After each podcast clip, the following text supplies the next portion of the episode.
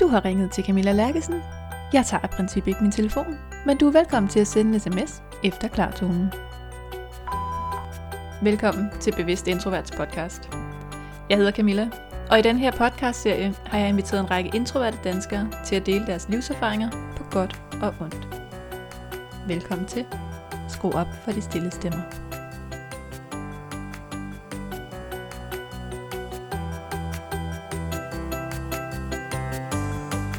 I det her afsnit, der skal du møde forfatteren Thomas Rydahl, der er bogaktuel med romanen Forførernes Klub. Vi taler blandt andet om fordelen ved at være introvert som forfatter, og om følelsen af at være forkert, når man går tidligt hjem fra byen. Velkommen til dig, Thomas Rydahl. Tak skal du have. Fedt, du vil være med i Bevidst Introvert podcast. Det er så fedt at være med. Glæder mig til at snakke lidt om det her. Og tillykke med den nye bog, Tak skal du have. Forførernes Klub. Mm. Vil du øh, starte med at sige lidt om dig selv, inden vi går rigtig i gang? Mm, det vil jeg gerne. Øh, jamen, jeg er forfatter, og nu ude med min femte bog. Og så er jeg en alt mulig mand, også på alle, på, på alle mulige mærkelige måder. Jeg er sådan, jeg synes lige nu, jeg nørder rundt med alt muligt spændende, som, og det er også et privilegie at kunne det, altså kunne bruge min tid på den måde, men jeg har også en, eller er en del af en forfatterskole, hvor jeg underviser, og øh, det drøner bare afsted, den skole. Vi startede op lige inden corona, men og har lavet lidt for meget online undervisning, men øh, synes vi selv nu, vi vil gerne se hinanden igen, men øh, det har været fedt at, at starte den op og se, øh, hvordan vi kan gøre en forskel for en hel masse mennesker, der kan lide at skrive Ja. og fortælle historier. Og så, ligesom dig, så arbejder også en lille smule med nogle podcasts, der går og nørder lidt med det i mit lille podcast øh, studie. Øhm, så der er mange spændende ting. Og så har jeg en familie og en søn på to, og en datter på 18, og så der, der er sådan en masse andre spændende ting også i mit liv. ja. Og du var ret hurtig til at sige ja til at være med i mm. Den her podcast. Mm. Hvad var det, der fik dig til at sige ja til det? Mm, jamen dels så, så synes jeg rigtig godt om det, der er ligesom formålet med, eller så vidt jeg kan forstå det formål med den her podcast, nemlig at øhm, sætte nogle stemmer på folk med, hvad skal man sige, der har levet som introverte, eller har det introverte i sig på en eller anden måde. Enten noget, de har haft det svært med, eller noget, de har lært at leve med. Det synes jeg er enormt spændende. Mm. Øhm, og det har fyldt meget for mig i perioder, vil jeg sige. At jeg har det sådan, en gang kunne jeg ikke helt forstå, hvad det var, der var i vejen med mig. Og da jeg så fandt ud af, at det måske var blandt andet, at jeg var introvert, så var der sådan noget, der gik op for mig. Og sådan en lidt en form for tilgivelse af mig selv i forhold til nogle situationer, jeg synes, jeg har været i, hvor jeg har været gjort mig selv meget forkert for at være lidt anderledes end de andre i, i sådan, hvad jeg selv synes. Det kan godt være, at andre synes, det var jeg ikke, men det var i hvert fald min egen oplevelse. Mm. Så jeg havde enormt meget lyst til at øh, slå et slag for det, du også gør med din podcast, der, nemlig at øh, vi kan være forskellige, men og ligesom acceptere os selv for den vi er. Ja. Mm. Hvad var det, du lagde mærke til ved dig selv dengang, som virkede anderledes? Jamen altså, da jeg, da det ligesom, da jeg begyndte, da jeg stødte på begrebet øh, på en måde, der ikke var ligesom, altså jeg synes jo, det kan du sikkert sige meget mere klogt om, men det, i min oplevelse så er det som om, at introvert gik fra at være noget sådan, noget lidt udskilt, til at være noget, man begynder at bruge på en måde, der, for, der mere sådan forklarede noget i folks øh, måde at se verden på, eller være i verden på i virkeligheden. Mm. Og da det gik op for mig, at det ikke, at det ikke længere var sådan en, skal man sige, sådan en stigma, Nå, men du er også bare øh, introvert eller sådan noget, så, øh, så tror jeg, jeg blev sådan ramt af sådan en, jeg kunne pludselig sådan flashback til mit liv, hvor jeg har været en, der trak mig meget fra forskellige ting, og altid følt sådan, at venner eller familie sådan undrer sig over min adfærd, og jeg også var meget sådan, hvorfor er det, jeg gør det, og hvorfor er det, jeg får det sådan her, og, og sådan noget. Øhm, og det synes jeg egentlig stadigvæk er sådan, reflektere over sådan, at kunne mærke mine egne grænser i virkeligheden, og mit eget behov, Mm. og tage hensyn til det, og ikke behøver at følge normer nødvendigvis sådan for, hvordan man skal gøre ting, man har kunne sige, det, det er det, jeg har brug for lige nu, eller, eller hvis jeg øh, har overskrevet mine egne grænser, så sige, gud, det er derfor, jeg har ikke lyttet til det, der faktisk lige nu var. Hvad mærker du efter i dag, for at vide, hvornår du har den grænse? Mm, har det et godt spørgsmål? Altså det er sådan forskellige ting. Jeg, nu, nu ved jeg også bare sådan, at hvis jeg har været meget i noget, hvor der har krævet meget af mig, altså hvis jeg har været ude og, altså, øh, i byen, altså sådan ude og omgivet af mange mennesker, og været meget sådan, blevet trukket lidt ud af min comfort zone, sådan rent øh, socialt.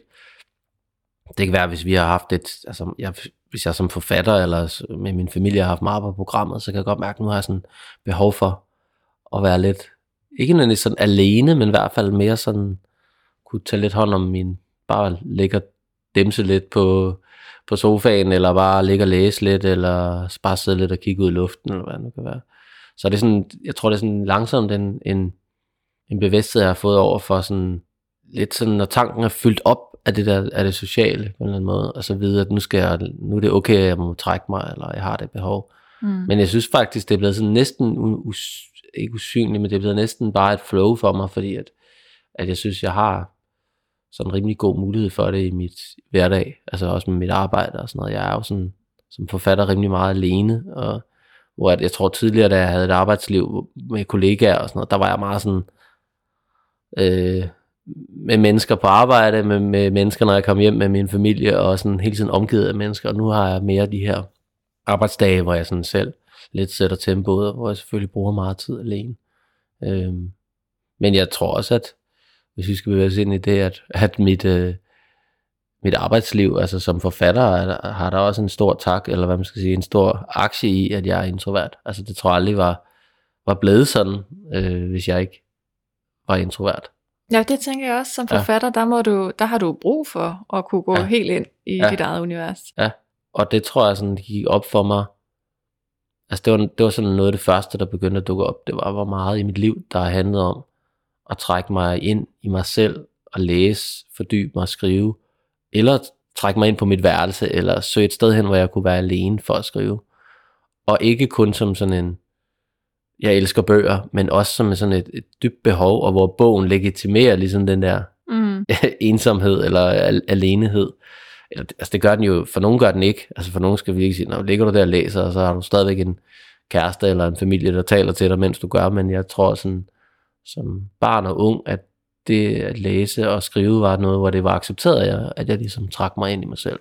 Ja. Øhm, og jeg tror måske i virkeligheden, at behovet for at gøre det, var det, der skabte, at jeg begyndte at skrive. Altså det var ikke den anden vej rundt, at jeg havde behov for at skrive. Som, som, altså, og, og det tror jeg mange år, jeg troede lidt, at det der, at, at, at det, det, altså som sige, det, det at være alene var noget, jeg havde brug for at kunne gøre, for at kunne skrive. Men jeg tror virkelig, at jeg havde brug for at være alene. Ikke nødvendigvis. Det var også en anden ting måske med sådan myter omkring introvert, der vi skal være, nødvendigvis skal være sådan alene, eller for os selv, eller sådan noget, men jeg, jeg oplever lige så meget det der med, at du har et, et samvær med andre, hvor du, hvor du kan trække dig, og hvor du kan få lov at ligge, man siger ligge eller sidde, altså, og på en eller anden måde være i din egen lille verden, uden at du sådan skal forholde dig til omverdenen, så, så man ligesom kan restituere, eller hvad det er, man nu skal kalde det. Mm. Er det så sådan noget, din omgangskreds ved om dig, at du trækker dig? Ja, det, det synes jeg efterhånden er, um, altså, jeg tror, der er rigtig mange omkring mig, der, der har øh, man siger, fordomme eller dårlige oplevelser med at gøre, fordi jeg også tror, jeg måske nogle gange har gjort det meget brutalt. Okay. Det var også sådan en, en af de her aha moments, jeg fik, det var, at jeg kunne se mit ungdomsliv, var meget sådan, ved, vi var i byen, alt var sjovt, og så lige pludselig, så, så, så gad jeg ikke mere. Så mm. gik jeg bare hjem, og så var jeg sådan lidt ham der Houdini'en. Ja. øh, og det var, altså, og det gjorde, det, det følte jeg var meget forkert over, at få det sådan, at jeg ikke sådan var den der, der bare blev ved og ved og ved, men jeg ligesom, det, kunne jeg da godt gøre en gang imellem, men jeg kunne også bare mærke nogle gange, så var jeg bare sådan, så var jeg bare fyldt op, og så skulle jeg bare, gad ikke mere. Ja. Øhm, og det kunne ske sådan på alle mulige mærkelige tidspunkter, egentlig. Øhm, så jeg tror, at mine omgivelser har, altså stadigvæk har jeg venner, jeg tror, der har svært ved at forstå og acceptere den side af mig, hvor jeg pludselig sådan trækker mig ind sådan lidt. Og jeg tror også, jeg er, stadigvæk er egentlig, kunne være bedre til at kommunikere om det, og sådan forklare, hvad der sker. Mm. Og det synes jeg sådan, jeg gør i glemt. Men det er ikke sådan, at jeg sådan, har sådan en standard mail, jeg lige sender ud. det, det kan jeg se, at nogen øh, gør. Øh, måske netop for at være tydelige med deres behov. Jeg tror mere, jeg sådan har sagt dem, sådan er jeg, og så må de ligesom take it or leave it på en eller anden måde. Ikke? Og, altså, jeg har gode relationer, så jeg synes i høj grad, de, de, de tilgiver mig for det, men jeg kan godt mærke, at der er nogle af de mere ekstroverte, der efterspørger meget sådan mig. Mm. hvor jeg sådan forsvinder lidt. Øh, det tror jeg er sådan blevet story of my life på en eller anden måde. Øh, og det kan jeg godt også, det kan jeg godt få det dårligt over en gang imellem. Men jeg tror hele tiden også, at jeg sådan, det siger, "Nå, det, sådan er det åbenbart med mig. Eller på den måde tilgiver mig selv lidt for det. Ja. Ja. Det tror jeg også er vigtigt. Mm. Mm. Altså, jeg kan jo genkende rigtig meget det der, du siger. Ikke? Ja. De kaldte også mig Houdini, da Ja, ja. vi gik i ja. byen, for jeg gjorde det samme. ja. Ja, og der, der er et behov for at melde ud, så folk ved, hvad der foregår. Mm. At man Ja. ja. ikke er Ja. sur, eller... Ja, præcis. Ja. Og nogle gange er det jo, eller da jeg var yngre især, var det sådan en, altså, jeg kunne ikke, jeg, jeg kunne ikke rigtig sætte ord på, hvad det var. Det var nærmest bare sådan en, jeg tror i virkeligheden, det var sådan fyldt ophed, ikke? Altså sådan en, altså lidt overwhelm og sådan, øh, ja, egentlig bare sådan behov for at komme, lidt sådan komme væk, altså, øh, som, ja, sjovt nok, nu har jeg skrevet en bog om, om øh, eller en hel trilogi om en mand, der flygter fra det hele, ikke? Altså, der er, sådan, der er lidt af det der over det. Og den hedder I er midten. Ja, lige præcis. Lige præcis. Det var sådan, det var også, det var også på en eller anden måde så øh, øh, symptomatisk, da det gik op for mig, at jeg havde skrevet en, altså en hel trilogi, men altså i starten bare en bog om, om en mand, der ligesom gør det her, ikke? Og jeg kunne se, at det, det har jeg virkelig meget som sådan et mønster i mit eget liv, at jeg har lyst til at flygte fra det hele. Og både sådan, øh, med det vi taler om her, men selvfølgelig også, øh, eller selvfølgelig, men der er også en grad af det, der selvfølgelig handler om at, at være bange for øh, konflikt og alt sådan noget andet, som jeg også synes har været et tema i mit liv. Men det, det er lidt noget andet, men der er alligevel lidt beslægtet. Mm. Mm. Ja, og kombinationen kan måske gøre det rigtig svært, ikke? Jo, det må man sige. Men også der, jeg tror, at altså, prøv også at forklare min, jeg har en meget ekstrovert samarbejdspartner i min, på, på forfatterskolen der. Og, og vi har et rigtig godt øh, altså samarbejde. Øh, men nogle gange så, så prøver jeg også at fortælle hende, at jeg har brug for lige at, sådan, at tage noget ind, og så trække mig, og så lige mærke efter, og, og lige prøve at strukturere mine tanker og mine følelser omkring noget, inden jeg sådan kan give en udmelding, eller komme med et svar, eller sådan noget. Mm. Og hvor hun er meget mere sådan, du, du, du, du, du. Hun, hun, hun tænker, mens hun øh, taler, ikke? Og, øh, og det er ikke sådan for at sige, at det kan jeg ikke, men det er helt klart ikke min præference at gøre. Jeg har rigtig meget behov for sådan noget. Lige at lande med noget og sådan noget. Og, øhm, og det vil jeg sige også i, i mine, de fag, jeg har været i, altså som på reklamebureau, der er det ikke sådan en efterspurgt, hvad skal man sige, præference at have, at du ligesom skal tage noget ind, og så trække dig, og så producere noget, men, øh, men det havde faktisk min gamle arbejdsgiver rimelig godt sådan øje for, at det var, det var min måde at konsumere viden, eller sådan takle øh, store mængder af, af, hvad skal man sige, af arbejde, eller øh, når vi havde en, en stor opgave, at jeg havde brug, brug for sådan med, fra tid til anden at trække mig lidt. Det kunne han godt forstå. Det var ret fint. Ja. Ja, fordi der er de ellers berygtet, ikke? Jo. Bureauerne, Jo. for at være sådan nogle rigtig ekstrovert Ja. magneter. Og det, det er det jo også, og det er jo det, det, det miljøerne er ofte, eller miljøet omkring bureauerne er tit sådan, ikke? Øh, øh, men jeg synes egentlig, at altså i hvert fald min gamle arbejdsplads havde ret godt øje for den del. Altså vi, vi arbejdede også meget med de her typologier, som så var de her, øh, hvad hedder det, JT, Jung Type Indicator, hvor der jo også er introvert og ekstrovert på det første bogstav.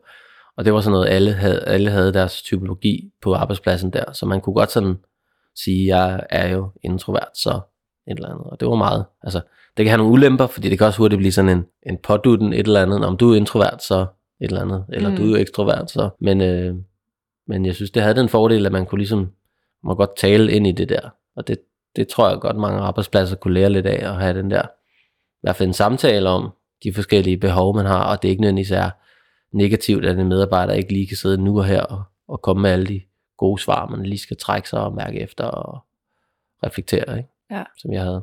Det er også derfor, jeg synes, det er så vigtigt, at vi taler om det. Fordi Mm. folk antager jo ting. Hvis ikke vi taler om det, så Mm. gætter vi jo bare. Mm. Altså fuldstændig tilfældigt på, Mm. hvad det handler om. Det er nok, Ja. ja. fordi han har sgu nok ikke sovet i nat, så det er derfor, han er lidt doven i dag. Eller Ja. han er nok bare arrogant, når han ikke Mm. lige øh, Ja. kan finde på noget med det samme. Ja. ja, jeg tror klart også, altså jeg tror arrogant, altså jeg tror meget, det er sådan, det, jeg tror meget, det er sådan noget, jeg har, altså folk har tænkt om mig, og jeg har også tænkt om andre, når de, altså, fordi det var også en lang periode, hvor jeg heller ikke selv måske kunne helt regne ud, hvad der skete over hos andre, når de, når de havde den samme adfærd, som jeg selv havde. Så, mm. men, men det er ofte det, vi tænker om nogen, der sådan virker som om, de er sig selv nok. Det, er jo sådan, det kan godt være den, den anden side af den introverte, der ligesom, som jeg gjorde der med at lave Houdini'en, altså så kan der sådan blive sådan, om han er ligeglad med os, eller mm. øh, det var slet ikke, altså det gjorde ondt, når jeg hørte, når mine kammerater eller venner sagde sådan der, fordi det var ikke det, der var for mig, det var bare sådan en, nu skal jeg bare hjem. Ja. Kan man gøre et eller andet for at, at ændre billedet, eller kommunikere klarere, eller undgå alle de her misforståelser, tror du? Altså, hey, altså, øh, absolut, men det er jo netop, at, at når vi, altså, man kan sige, i første år omgang, som jeg selv, når det er noget, vi føler, der er en det, hvad hedder sådan noget, defekt ved os, eller der er noget i vejen med os, så er det jo ikke noget, vi går rundt og måske taler så højt om. Så jeg tror, den der, altså, øh, starte med en samtale om, at vi, øh, hvor forskellige vi alle sammen er, og der, der er fordele og ulemper ved vores forskelligheder, øh, og så tale om de her, altså få sat nogle nuancer på det her med introvert og ekstrovert, og også der med, at du kan være, altså som jeg er, øh, opflasket med det ekstroverte, kan man sige. Så der er mange, der ikke tror, at jeg er introvert. Og det var sådan, øh, kun folk, der var meget tæt på mig, der sådan, fik sådan lidt, gud ja, da jeg sådan begyndte at tale om, at jeg var introvert. Mm. Øhm, og var jeg lidt sådan selv overrasket, da, da jeg lavede faktisk den her JTI-test, hvor jeg, hvor jeg var sådan, altså meget introvert. Øhm, og ikke sådan, der var ikke nogen, øh, altså jeg tror faktisk, jeg, jeg testede sådan ind mod midten, men det, men, men, men det var tydeligt for mig, at med alle de spørgsmål, der handlede om det introvert og ekstrovert, hvor jeg, hvor jeg lå hen. Og så det var sådan en, næsten en helt lettelse for mig, ja. at jeg kunne genkende mig selv i, i det der øh, introverte. Øh, så jeg tror, det der med at få egen bevidsthed omkring det, og så altså, som din podcast her, og samtaler på arbejdspladserne osv., hvor man kan tale om, hvad ens præference er, eller hvad, hvor ens behov er. Øh, og også forstå øh, i en eller anden grad, eller en stor grad, at, at der er fordele og ulemper ved det. Øh, at det der med at trække sig for eksempel, kan nemlig gøre, at så kommer, altså det synes jeg egentlig, at min gamle arbejdsplads lagde meget godt op til, at, sådan, at så kom der også lidt, altså sådan noget godt ud af det, når jeg så øh, havde trukket mig, og så kom, kom tilbage. Fordi det var der, jeg ligesom kunne, kunne gøre mit arbejde på en eller anden måde, bruge mig selv bedst. Mm. Så jeg tror også, det er det der med, at altså for arbejdspladserne og øh, måske også vores øh, skoler og studie, hvad hedder det, øh, altså studier, hvor at, altså have måder, hvor vi kan, i stedet for det der med, med det samme aftvinge folk svar, men der er ligesom forskellige måder, man kan, man kan øh, indoptage viden, reflektere og komme tilbage, så det er ikke altid bare noget, der hele tiden kræver sådan noget spørgsmål-svar ting, ikke? Altså, ja. Øh, lige nu er det som om, det kører enten, så sidder du i klassen og kommer med, med gode svar, eller så, så skriver du opgaver, ikke? og hvor der er måske også noget ind imellem, hvor man sådan kan trække sig, altså sidde og summe over noget, og så komme med nogle svar og så videre. Ikke? Fordi altså, selvom jeg synes, jeg havde mange kloge input også i skolen, så var jeg ikke ham der, der sad og rakte hånden op øh, hver gang. Øh, sådan, jeg, jeg var klar mig fint i skolen, men, men det var helt klart ikke sådan min force at, at være på på den der måde. Mm. Fordi at jeg sådan, jeg synes, der var et, mange nuancer i tingene, og jeg havde ikke lyst til at udtale mig om det før, før jeg ligesom havde tænkt lidt over det. Ja, det kender jeg godt. jeg tænker også, at dine bøger, de var også være øh, sådan ret introspektive, ikke? eller mm. temaerne er ret mm. introspektive. Mm. Altså jo. både, øh, nu har jeg ikke lidt noget at læse den nye her, men, mm. men både eremitten og, og det her tema, mm. der er i den nye Forførernes Klub, ikke? Mm. hvor det handler om at finde sig selv og mm. ja. far vild i den jagt. Mm. Men det er det jo også, altså helt klart sådan den der den der øh, søgen ind i mig selv for at få energi og finde svar, ikke? Altså den sådan, som har givet mig enormt meget i mit liv, og også mange bekymringer, fordi man også, altså fordi den hele tiden kører, og der hele tiden bliver analyseret, ikke? Så det er også nogle gange, altså det, det er den anden side af det, der også, jeg har også skulle lære at give slip, og trække vejret og, øh, og, og bare være uden at, uden at, altså det kan godt blive meget op i hovedet, hvor det, det hele foregår. Ikke? Jeg tror sådan, min senere års udvikling har handlet meget om sådan at komme mere ned i kroppen og sådan, ja, trække vejret lidt dybere og meditere lidt og gøre sådan nogle ting, som, så det ikke kun er tankeprocesser, men også, at man mærker efter, også faktisk, apropos altså det vi taler om her, at, at øh, at kunne mærke, hvad det er, måske, altså det er sådan intellektuelt, så kan man godt så sige, nu har jeg fået nok, eller nu, nu har jeg været så så mange timer ekstrovert, men hvad var det egentlig, jeg havde behov for, ikke? Altså som bliver bedre mm. til at mærke, hvad der sker i kroppen. Og nogle gange så er det jo bare sådan noget, en meget klar stress fornemmelse, men for andre gange så er det sådan noget, der rumstille rundt, og så kunne mærke det bedre og sådan noget. Ja. Så, men altså, jeg har altid haft, så længe jeg kan huske, også som barn, sådan, måske også kommende fra min familie, som er meget sådan reflekterende over det indre liv og altså det ydre liv, kan man sige. Men, øh, men sådan det der med at have lyst til at undersøge ting og undersøge mig selv og stille de store spørgsmål og sådan noget. Så det er klart, det dukker op alle steder i mit, par, i mit parforhold, i mit uh, forfatterskab. dukker også op i mit parforhold, men det dukker også op i mit, uh, mit forfatterskab. Ja, hvor meget bruger du dig selv i bøgerne? Jamen, jeg synes hele tiden, jeg bruger mig selv, men jeg synes også, jeg bruger mig selv på en måde, der altså det er jo ikke sådan, nu synes jeg, der har været meget sådan, af forskellige årsager, så har det været meget sådan, i, i pressen nu her med min nye bog, har været meget været sådan, hvor meget det ligner mit, mit liv, det der bliver skrevet i den, hvor jeg, at, altså, sandheden er jo sådan for mig meget mere nuanceret, at, at der er sådan glemt noget, der, der, er, altså, der kommer fra mit levede liv, men det er jo også netop tanker og refleksioner øh, fra ting, jeg har oplevet, eller samtaler, jeg har haft med mennesker. Så jeg vil sige, øh,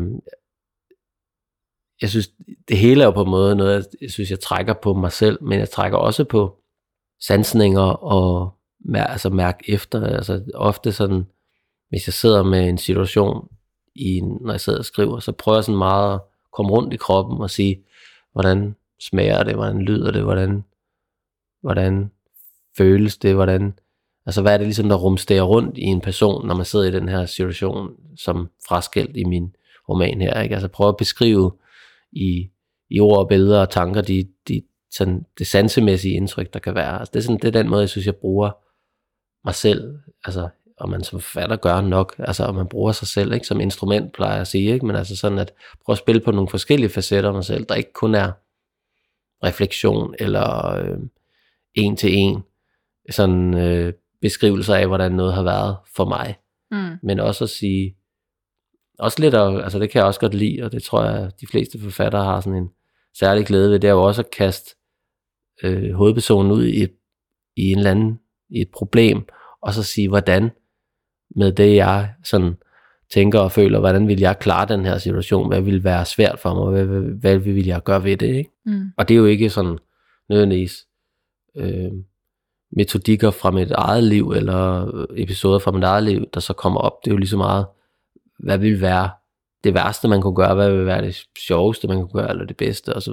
Og det er jo også ofte det, der, jeg synes, der driver mig, det er den der nysgerrighed over for øh, at sætte mig selv via min hovedperson i nogle forskellige situationer, og så sige, hvordan ville det så se ud. Ikke? Så det er jo rigtig meget, i hvert fald det, der driver mit, min nysgerrighed som forfatter, det er jo sådan, at den der mulighed, det giver at, at kunne leve prøveliv, altså gennem min, mine hovedpersoner, ikke? og sige, mm. what if, eller hvad nu hvis det her skete, eller et eller andet, hvordan vil jeg så gribe det an, ikke? Ja. Så har der så også været øh, en, en helende proces i at skrive om skilsmisse og tab og sorg øh, på den måde, at jeg kunne selvfølgelig genopleve nogle, øh, nogle episoder og nogle elementer fra mit eget, min egen skilsmisse og mit eget, øh, hvad skal man sige, den proces, det var for mig, og ikke kun selve skilsmissen, det er jo sådan nogle gange en, altså en kort periode, men det er, jo, det er jo alt det, der fører op til, og, og, og efterfølgende, også selvom valget er truffet, og det måske er, er noget, man sådan er enige om, at det skal ske, så er der jo masser af processer af bearbejdning, man står, altså lige pludselig så, så stod jeg der med at skal pakke flyttekasser, og hvad gør man af gamle fotografier af hinanden, og altså, der er simpelthen så mange svære facetter af det der, som jeg synes har været altså, interessant også at, at bruge aktivt i, i bogen, men ikke sådan, at så stod jeg der, men, men mere at, øh, når det ligesom dukkede op og sige, okay, her, der var en følelse, jeg kan, jeg kan prøve at beskrive, hvordan det, det føles, det tab der, som også for eksempel, øh, min hovedperson har øh, to børn, hvor hans ældste datter, eller hvor hans, øh, hans ældste barn, hans datter, har meget sådan nogle forskellige reaktioner på ham i forhold til skilsmissen og sådan noget, og der, der kunne jeg da sådan bruge mange af mine egne oplevelser og følelser, jeg har haft i forbindelse med, med brudet øh, mm. og min datter og sådan noget i det, men ikke en til en, men bare sådan, men, men nogle af de svære følelser, der er i at skulle øh, ja, hele det sorg som, sorg som familie og som enkelt person. Der tænker jeg, at der er vildt mange af de der introverte kvaliteter, som man har brug for, for at gå ind i sådan en proces. Mm. Altså bare det at være nysgerrig på, hvad der foregår mm. inde i, og hvorfor, og hvordan det føles, og hvad man tænker. Helt sikkert. Der er jo nogen, der har super travlt med at komme mm. væk fra det, og tilbage ja. til det ydre. Og... Ja. Og det, det synes jeg også sådan, altså, når man står midt i det, så, så, så har kroppen, sindet jo, altså apropos flugt og i midten og det her med at søge væk, og så har man jo også lyst til at løbe fra det, for at fjerne sig selv fra den smerte, der er i det. Men jeg synes jo, lige med det her var det sådan evident, at der var ikke nogen måde, hvor jeg sådan kunne løbe fra det. Altså det var der bare. Altså jeg tror det mest, det sværeste og mest øh, givende i den her proces har været at være med det. Øh, og samtidig også vide, at, at øh, altså sådan, det, for det har jeg også haft tendens til, måske at dvæle meget ved, ved svære ting, og, ved, meget, og sådan ved mørke tanker og sorg. Det er også en stor del af mig. Altså, mm. det her tror jeg har egentlig gjort enormt meget i mit liv, sådan, ligesom med vilje vendt tilbage til åstedet, sådan for noget mørkt og noget, noget svært. Øhm, og det tror jeg bare, altså det, det kan give god mening, når jeg kigger tilbage for ligesom at hele noget. Og det, det har, nogle gange tager det bare den tid, det skal tage. Men jeg tror også her i, i den her omgang, at jeg har at den der dobbeltbevægelse, både at være villig til at gå ind i det mørke, og så nogle gange også sige, så, mm. nu skal jeg løbe en tur, eller nu skal jeg gøre noget godt for mig selv. Altså nu, øh, altså det kan være alt muligt fra at, at gøre rent i huset og lave noget god mad, eller bare gøre noget, der gør en glad. Altså, øh, når man står midt i noget, der er rigtig svært. Ikke? Altså, jeg tror, det der behov for at fikse ting lynhurtigt, altså lynhurtigt at få bragt tingene tilbage på en god fod. Og det kan du jo ikke i en skilsmisse. Der er ikke nogen måde, der er ikke et quick fix eller en måde, hvor tingene kan blive gode igen. Der er det jo bare noget med at, altså som han siger i Sleeping, Sleepless in Seattle eller andet, ikke? det er bare at stoppe hver dag og trække vejret. Ikke? Altså, og det er mm. sådan, sådan var det en periode. Og der tror jeg, at min introverte evne til at kunne være med min, min, øh, de svære følelser bidrog rigtig meget til at komme igennem det. Samtidig med, at jeg også skulle holde det her i, i ave lidt, at bare have lyst til at øh, flygte fra det med, en, altså det tror jeg meget sådan, det tænker jeg nogle gange på, som mandens reaktionsmønster, men sådan at have lyst til at overdænge noget sørgeligt med gode følelser, eller bare med følelser i det hele taget, ikke? hvor det sådan ofte kan føre til noget afhængighed, eller sådan noget af internet, eller porno, eller oplevelser, eller druk, eller et eller andet. Ikke? Mm. Øh, fordi man har svært ved at være med de der mørke, svære følelser. Men det, det, det synes jeg er rimelig meget træning i at kunne være. Men altså, når det sådan virkelig buller løs, sådan en, en sorg, som det jo er, og, altså, det kan jo også være at miste øh, et familiemedlem, der er, nær, der er nær på, eller noget andet, men det der med, når det sådan, det bare fylder sig ekstremt meget i ens liv, så, ja, så går det hårdt for sig, så, så, så er det både om at holde fast i, tror jeg, holde fast i sig selv og kunne være med de svære, men samtidig også ikke at blive skyllet alt for meget med af det. Ja, det lyder som en meget sund balance. Mm. Ja. ja, fordi det er også noget, jeg er enormt optaget af, den der balance mellem at udvikle sig og også ligesom holde på sin ret til mm. at være den, man er. Mm. Ja. Fordi, måske fordi jeg mødte det så meget, ikke? Mm. Jamen Camilla, så kan du mm. lære at være ekstrovert, ikke? så kan du lære at være udadvendt, så kan du ja. lære at være mere social. Ja. Ja. Hvor jeg på den ene side tænker, at det skal jeg ikke lære, jeg må godt mm. være mm. den jeg er. Ja. Og på den anden side tænker at man kan også overgøre det. Ikke? Ja. Altså netop jo. sådan dykke helt ned i sit eget univers og mm. komme til at isolere sig ja. for meget. Jamen det er jo det der med, det, det er mega interessant.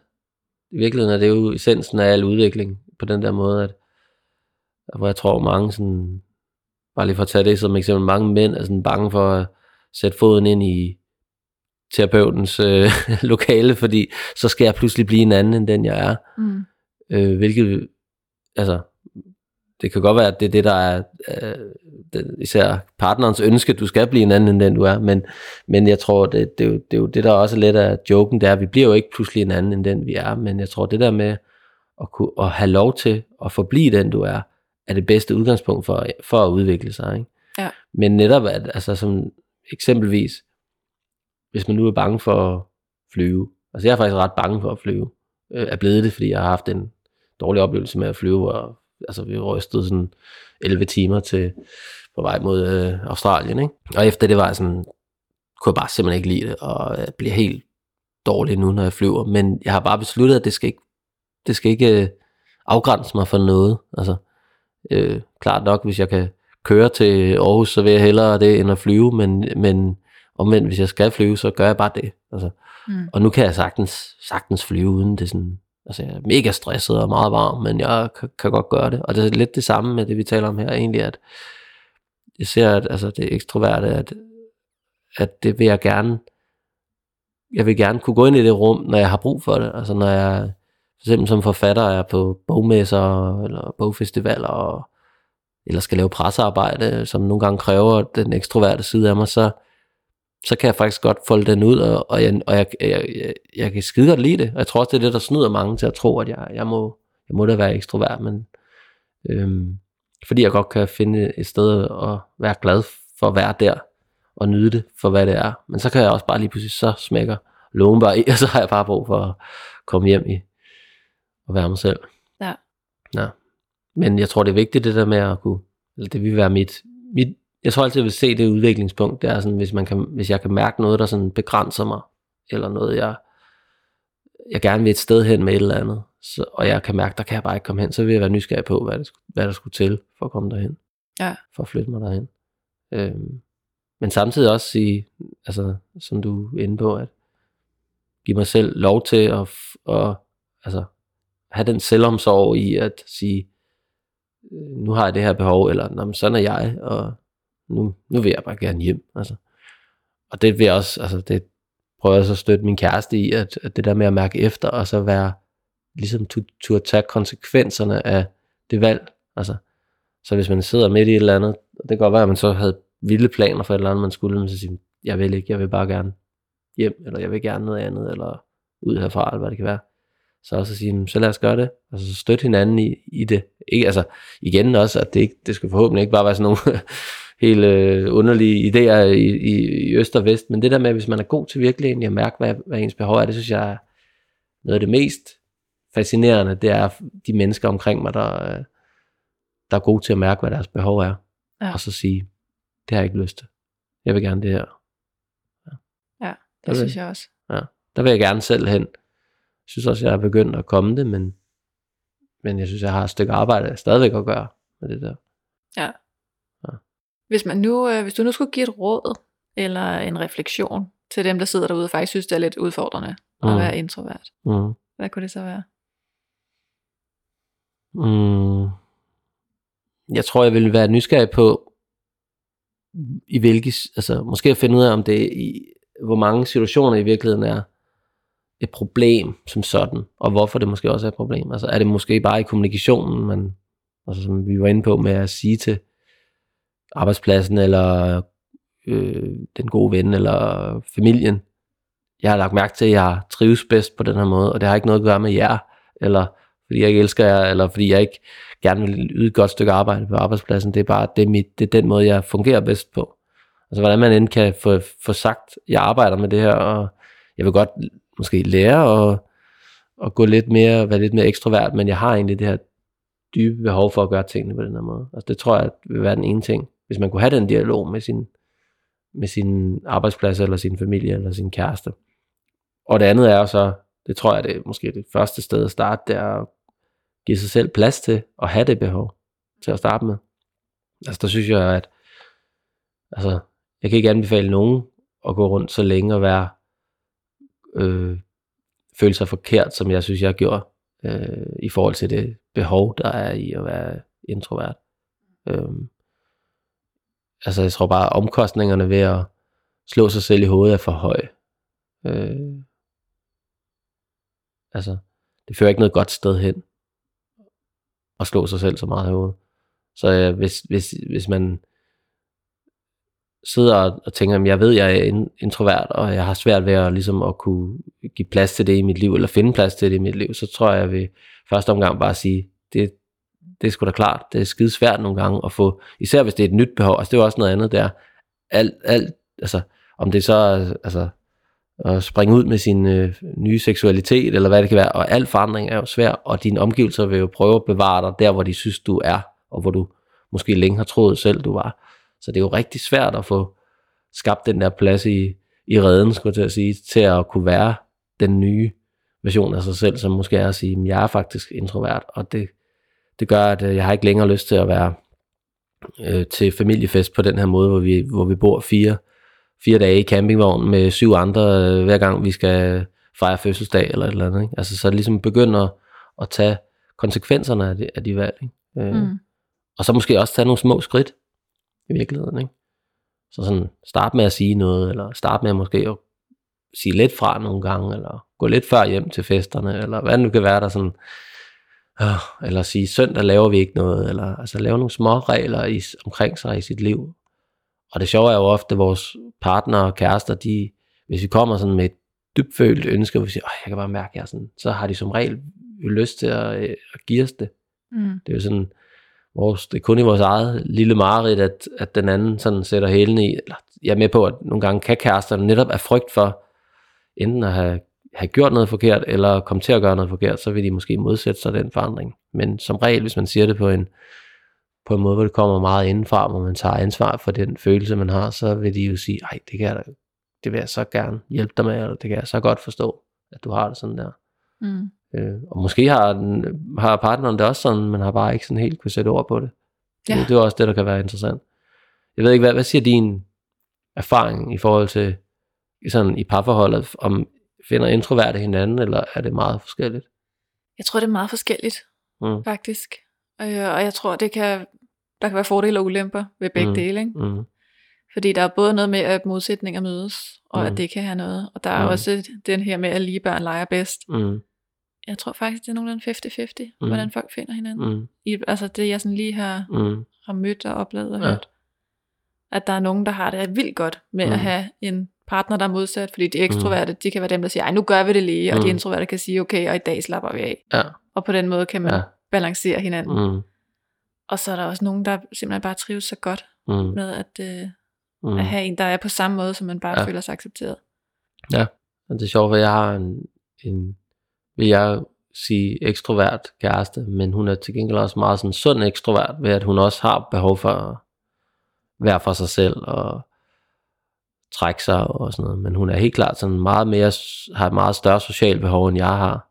Og jeg føler sådan meget, at det er sådan, det, det er rigtig sundt for mig at have hende og hendes måde at gå til ting på. Men jeg synes til gengæld, hun er en, en af de sundeste mennesker, jeg kender i forhold til at kunne, synes jeg, er sådan, at balancere sit Altså hun er, hvis hun er ekstrovert, er hun det sikkert på sådan en ind mod midten-agtig måde. Mm. Øh, men, øh, men også hvor jeg nyder, at hun, at hun er god i det ekstroverte, og det kan jeg lære rigtig meget af. Ja. Mm. Jeg tror også, jeg har altid haft introverte kærester, men mere ekstrovert end mig. Mm. Så der er ligesom en, der har teten. Mm. Det trives jeg meget godt i. Ja. Ja, jeg kunne, jeg kunne faktisk godt frygte, at sådan et, altså, jeg vil sige, jeg,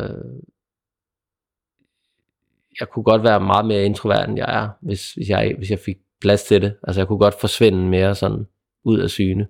Ja. Øh, øh, og, og gemme mig mere, end jeg gør, hvis sådan jeg bare fik tid og plads. Men øh, jeg tror også, det der sådan, jeg tror, at familieliv og, og sådan parforholdet er sundt for mig på den måde. Det trækker mig ligesom lidt ud af min, min øh, skal på en eller anden måde. Ikke? Ja. Øhm, jeg tror også, det er derfor, jeg sådan rent arbejdsmæssigt lever rigtig godt i balance med at have sådan, øh, at jeg har ikke brug for, at, øh, eller jeg, jeg har prøvet meget det her med at rejse væk og sidde og arbejde, og så, og så øh, jeg var i, som sagt, den der Australiens tur, hvor jeg hvor jeg rystede i 11 timer, der, øh, der var jeg i nogle måneder i Australien, hvor jeg bare var, sad og arbejdede meget alene, og jeg kunne bare mærke, at det blev, for, det blev, det blev sådan for meget faktisk.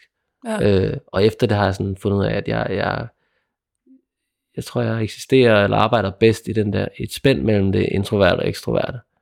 Øh, at jeg ikke, altså det der med, at det er godt for mig at kunne, kunne trække mig og være, sidde og arbejde og være bare sådan øh, helt sådan fokuseret på, på, det, på det, jeg gør og på mit indre liv på den måde der.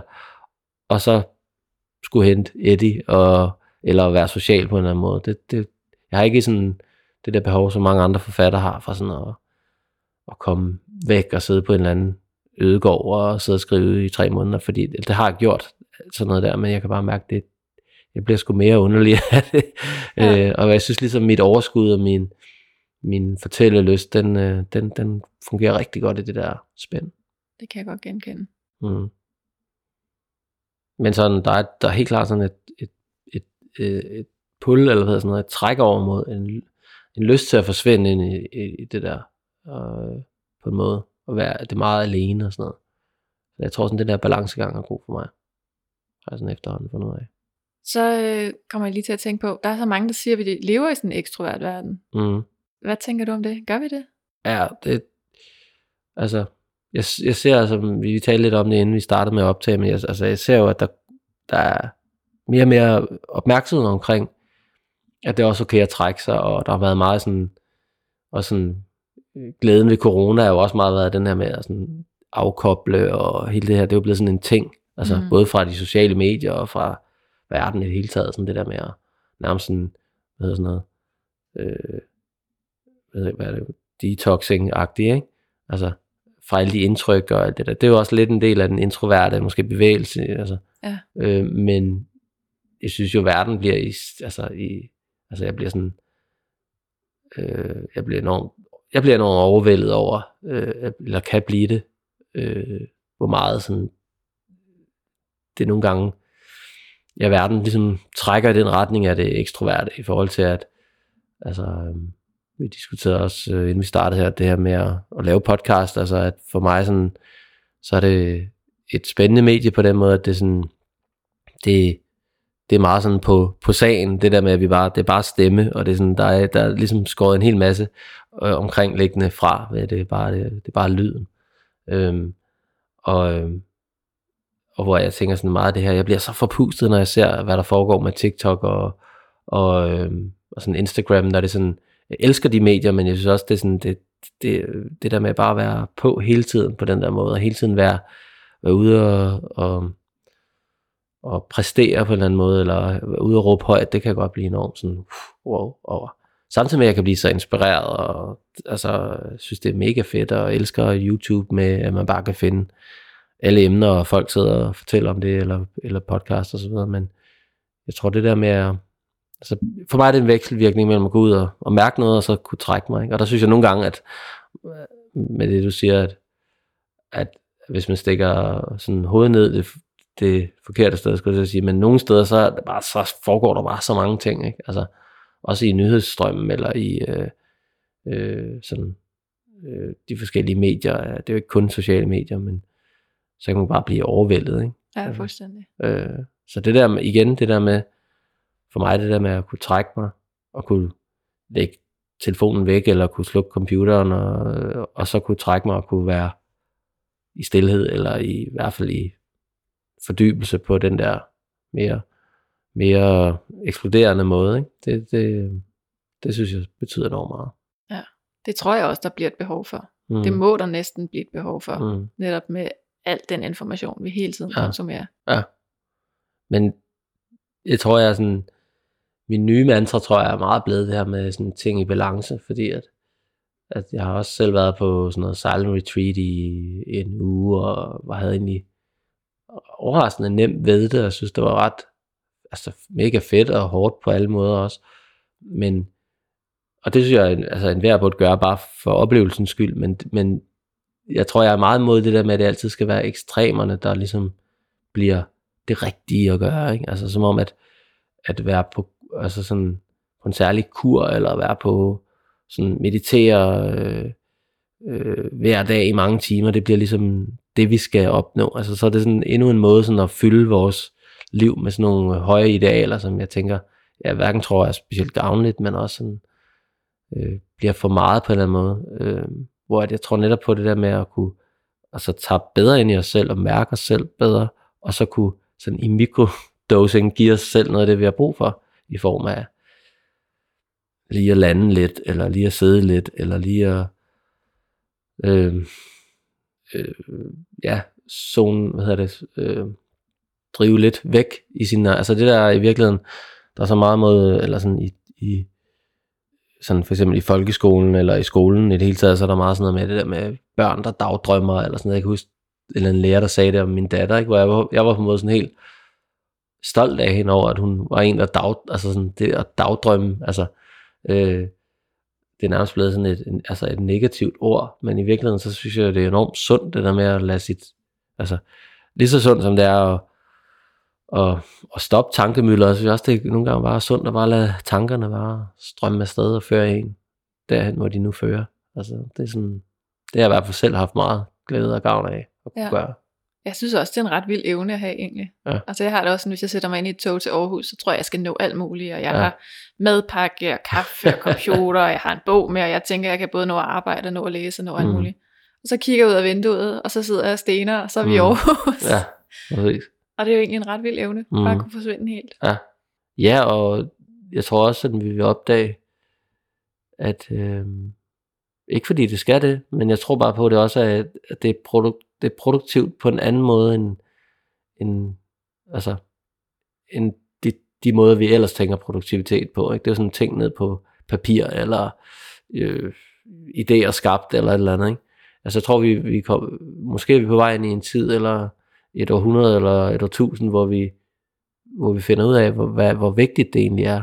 Øh, altså ligesom en gang, hvor man troede nærmest, det var spild af tid at sove, eller sådan noget. Ikke? Altså jeg tror på, at, at også det der er sådan noget meget med, ja, hvad hedder det på dansk, sådan noget procrastination, altså sådan noget udsættelse, altså, eller de der, øh, hvad er det man kalder det, når man sådan har travlt med arbejde, så sidder man og laver noget andet. Overspringshænding. Ja, overspringshænding. Altså jeg tror i virkeligheden, det, jeg tror det er ret, jeg tror det, det er sættet, der prøver at fortælle et eller andet, ikke? Og at det er jo, altså ikke for at det så, altså jeg kender det godt, at så kan man sidde hele dagen og lave det der, men jeg tror det også, det, der er et eller andet sundt ved. Altså jeg kan i hvert fald se for mig selv, at når jeg har siddet meget fokuseret og arbejdet, så er det, så er det i orden med det der. Altså, mm. så giv den dog gas med at være på Facebook, eller hvad man nu synes. Og så vær det, og så vende tilbage til arbejde. Ikke? Jeg tror, det giver noget. Altså den der idé om den der arbejdermyre, der bare sidder og er produktiv hele dagen på en sådan særlig måde, mm. Øh, tror jeg, vi, vi vil forlade inden for kort tid. Fordi at, øh, det lever ikke op. Altså det er også sådan, det coronaen, det er sådan det der med, at jeg tror, den viser, at der er masser af nye måder, vi kan arbejde på i virkeligheden. Ikke? Ja. Så sådan den der, det der arbejdsbillede, der blev skabt måske i 50'erne, sådan lidt fabriksagtigt, øh, og måden vi holdt møder, og måden vi gjorde alting på, som ligesom egentlig ikke har ændret sig specielt meget i mange år. Altså med på at komme computer og alt det her, men det har virkelig bare gjort, givet endnu mere af det, vi mm. kendte i forvejen. Ikke? Øhm, og jeg tror på, at vi vil opdage, at der er rigtig mange måder, hvor man kan øh, arbejde og samarbejde på, end, end vi har været klar over. Ja, det er også blevet lidt uncool at være sådan en, der arbejder helt vildt, ikke? Det er de der, der er sådan, nah, så står jeg bare op klokken 5 om morgenen, så kan jeg arbejde fra klokken 6, ja. og så går jeg i klokken 11 om aftenen. Ja. Og folk, er, altså det er blevet sådan, mm. det er altså ikke noget, vi taler om mere. Det er ikke fedt. Nej. Altså jeg vil sige i hvert fald, altså, jeg tror, jeg tror netop, eller jeg tror, at hvis vi, altså det er også den der ligesom at sidde på en måde hele dagen, det er ikke godt for en. På, på en. At arbejde på den samme måde hele dagen er ikke godt for en. Jeg tror på, at hvis vi har et, et mere differentieret liv, arbejdsliv, hvor man måske gør en ting om morgenen, og så gør man en anden ting om eftermiddagen, og en tredje ting om aftenen, og så videre. Øh, så kan man jo, altså jeg tror de fleste, jeg tror faktisk ikke, altså, altså dogenskab er også en god ting, hvis man har det behov, hvor ligger dagdrømmen på sofaen. Men, men øh, jeg tror, også på det der med at, at finde ud af, at der er forskellige måder at producere på, eller at bidrage på. Ikke? Altså, at netop at hvis man er introvert, så kan man godt faktisk lægge sig ned på sofaen måske, og lø- ligge og løse et problem, uden man nødvendigvis tænker over det. Altså det er jo også det, hvor mm. mange forfattere fortæller om, de får deres bedste idéer i, i bilen, eller i på cyklen, eller i badet, eller hvor det nu kan være. Ikke? Øh, fordi det er der, hvor vi giver slip på øh, at styre, hvor vores tanker flyder hen, og så pludselig så rammer de et eller andet. Nej, det er det her, jeg skal, ikke? Og det tror jeg, der, der har vi ikke engang begyndt at finde ud af, hvordan vores hjerner og sind fungerer i forhold til at løse problemer. Ikke? Der er sådan en hel, der er sådan en hel øh, filosofisk retning, der netop går i, i den der, øh, altså øh, bruger den måde at arbejde på, hvor, hvor man ligesom lader bevidstheden og underbevidstheden, og hvad man skal kalde det, arbejde, altså ligesom giver slip på at styre det, men hvor det ligesom, så svaren dukker op på en eller anden måde. Ikke? Ja. Øh, det, det ved jeg godt, at det kan chefen, der gerne vil have et svar her i eftermiddag klokken 4, den, han kan nok have svært ved at forstå, eller respektere, at det kommer ikke lige øh, på den måde, fordi jeg skal lige hjem og ligge på sofaen. Men jeg tror på, at vi vil opdage nye måder at arbejde på, der kan integrere nogle af de, øh, øh, alt det vi ved om vores sind og vores bevidsthed. Mm. Jeg var faktisk lige inde og holde foredrag for en IT-virksomhed for nylig, hvor mm. vi talte om det her med, at det er så dumt, at vi ved godt om introverte, at vi får de der gode idéer mm. på cyklen hjem, mm. eller i badet, når vi er kommet hjem. Ja. Og der var en, han ville så gerne have bare et øjeblik, hvor det var okay lige at sætte sig ind mm. i sådan en hvilerum. Mm. Bare sige, det er jo her, jeg får mine gode idéer. Mm. I andre får dem ud ved kaffeautomaten, mm. i samtale, ja, og det er helt præcis. cool. Ja. Men lige at trække sig, mm. det, det er sådan lidt set ned på. Mm. Jeg tænkte, ja. det kunne være fedt bare at integrere og sige, men mm. i stedet for at jeg får min gode idé på vej hjem, og ikke får mm. rykket på det, og så er det fredag eftermiddag, mm. og så glemte jeg det igen. Ja. Og så, så simpelthen tillade det. Mm. Ja, lige præcis. Men det, det sjove er jo, det er jo også et, det er jo også et indbrud i vores arbejdsstruktur, ikke? Fordi at, altså, ligesom nu vi begynder at have arbejdspladser, hvor man arbejder fire dage om ugen og så videre, så tror jeg også, man måske skal kigge på nogen, hvor at, at man ikke, altså hvor man gør en dyd af for eksempel at have deadlines eller øh, arbejdsprocesser, øh, der, der kan indoptage noget af det, vi ved. Ikke? Altså, mm. Sådan så, at, øh, at svaret ikke skal falde. Øh, altså, der er også sådan en, vi har også en travlhedskultur, hvor jeg tit tænker, øh, jeg synes faktisk, det er lækkert, når nogen siger, det vender jeg lige tilbage med. Jeg skal lige ja. tænke over det, så vender jeg tilbage. Og hvor der, altså, der, der synes jeg jo, der kunne det være dejligt, at vi sådan begynder selv at sige sådan til hinanden, sådan så det kan blive mere normalt at gøre ting på den måde. At det hele ikke er sådan noget time is money-agtigt noget. Ja. Fordi at nogle gange er det jo også bare dumme penge. Altså man skynder sig ud og laver en løsning, i stedet for lige at, altså det er i hvert fald det min egen erfaring, er at have fået enorm respekt for den der refleksion og den der plan. Og jeg er med på, at den anden side af det er, at man, altså, og det er jo også det, jeg selv har prøvet som forfatter, det er, at man bliver ved med at snurre rundt i sådan en, øh, hvor man ikke udkommer med det, man skal. Altså, så, men, det er jo ikke, men, det er jo, men det er sådan, det er frygten. Altså, mm. Det er jo sådan den anden side, det er, at det ikke bliver til noget, men, men man kunne godt lægge nogle, nogle øh, processer, eller gøre, lave nogle processer på en måde, sådan, så der var plads til det her refleksion, og mærke efter, og lige vende en ting, og kigge fra den anden vinkel, og så videre, som jeg synes, øh, det introverte lidt står for, ikke? Jo, præcis. Og det, det er sikkert sådan nogle virksomheder, som du siger, ingeniører, øh, programmører, kreative fag, der vil, der vil, der vil gå ud og vise, hvad værdien er af det. Ikke? Fordi det er ofte der, som at vores samfund skifter rundt, det er, når de finder ud af, hvad værdien er. Og oh, så kan de godt, så vil de gerne lave om på tingene. Ikke? Øhm, hvor at, øhm, altså, at, at i mange år har det jo været drevet af den her ticking clock ikke? på arbejdspladserne, øh, i stedet for at sige på værdi. Ja, præcis. Så opsummeringen må være, at øh, vi øh, forudser gode tider. Men også at de ikke kommer af sig selv, at de kommer ved, at vi taler om det, at vi, øh, at vi som medarbejdere, kærester, whatever, familiemennesker, siger, hvad vores behov er, og tørster ved det, vi mærker. Altså, øh, og især i samtalen, sådan så man kan sige, at pludselig finder ud af, at man måske er omgivet af introvert noget, man var klar over det. Ikke? Ja. Øh, det er jo det fede ved det, ikke? at de dukker op lige pludselig. Øh, og ikke kun, man kan sige, nu, nu handler det her om introvert, men for mig handler det også om det her med alle de der måder at eksistere på og være til på. Altså, øh, særligt sårbare, eller hvad hedder det, øh, sensitive mennesker og så videre, hvor at, at, det tror jeg, vi forhåbentlig er vi på vej ligesom med mange køn og mange øh, seksualiteter og, og så videre. Altså vi finder ud af, at der er så mange måder at være menneske på, og, og at det handler jo ikke om at nødvendigvis at finde, hvad, hvad alle kasserne er, men at give plads til alle til alle måder at være, være til på, på en eller anden måde, som jeg ser det. Ja. Mm. Lad os slutte på den. Mm. Tak fordi du var med. Det var så fedt.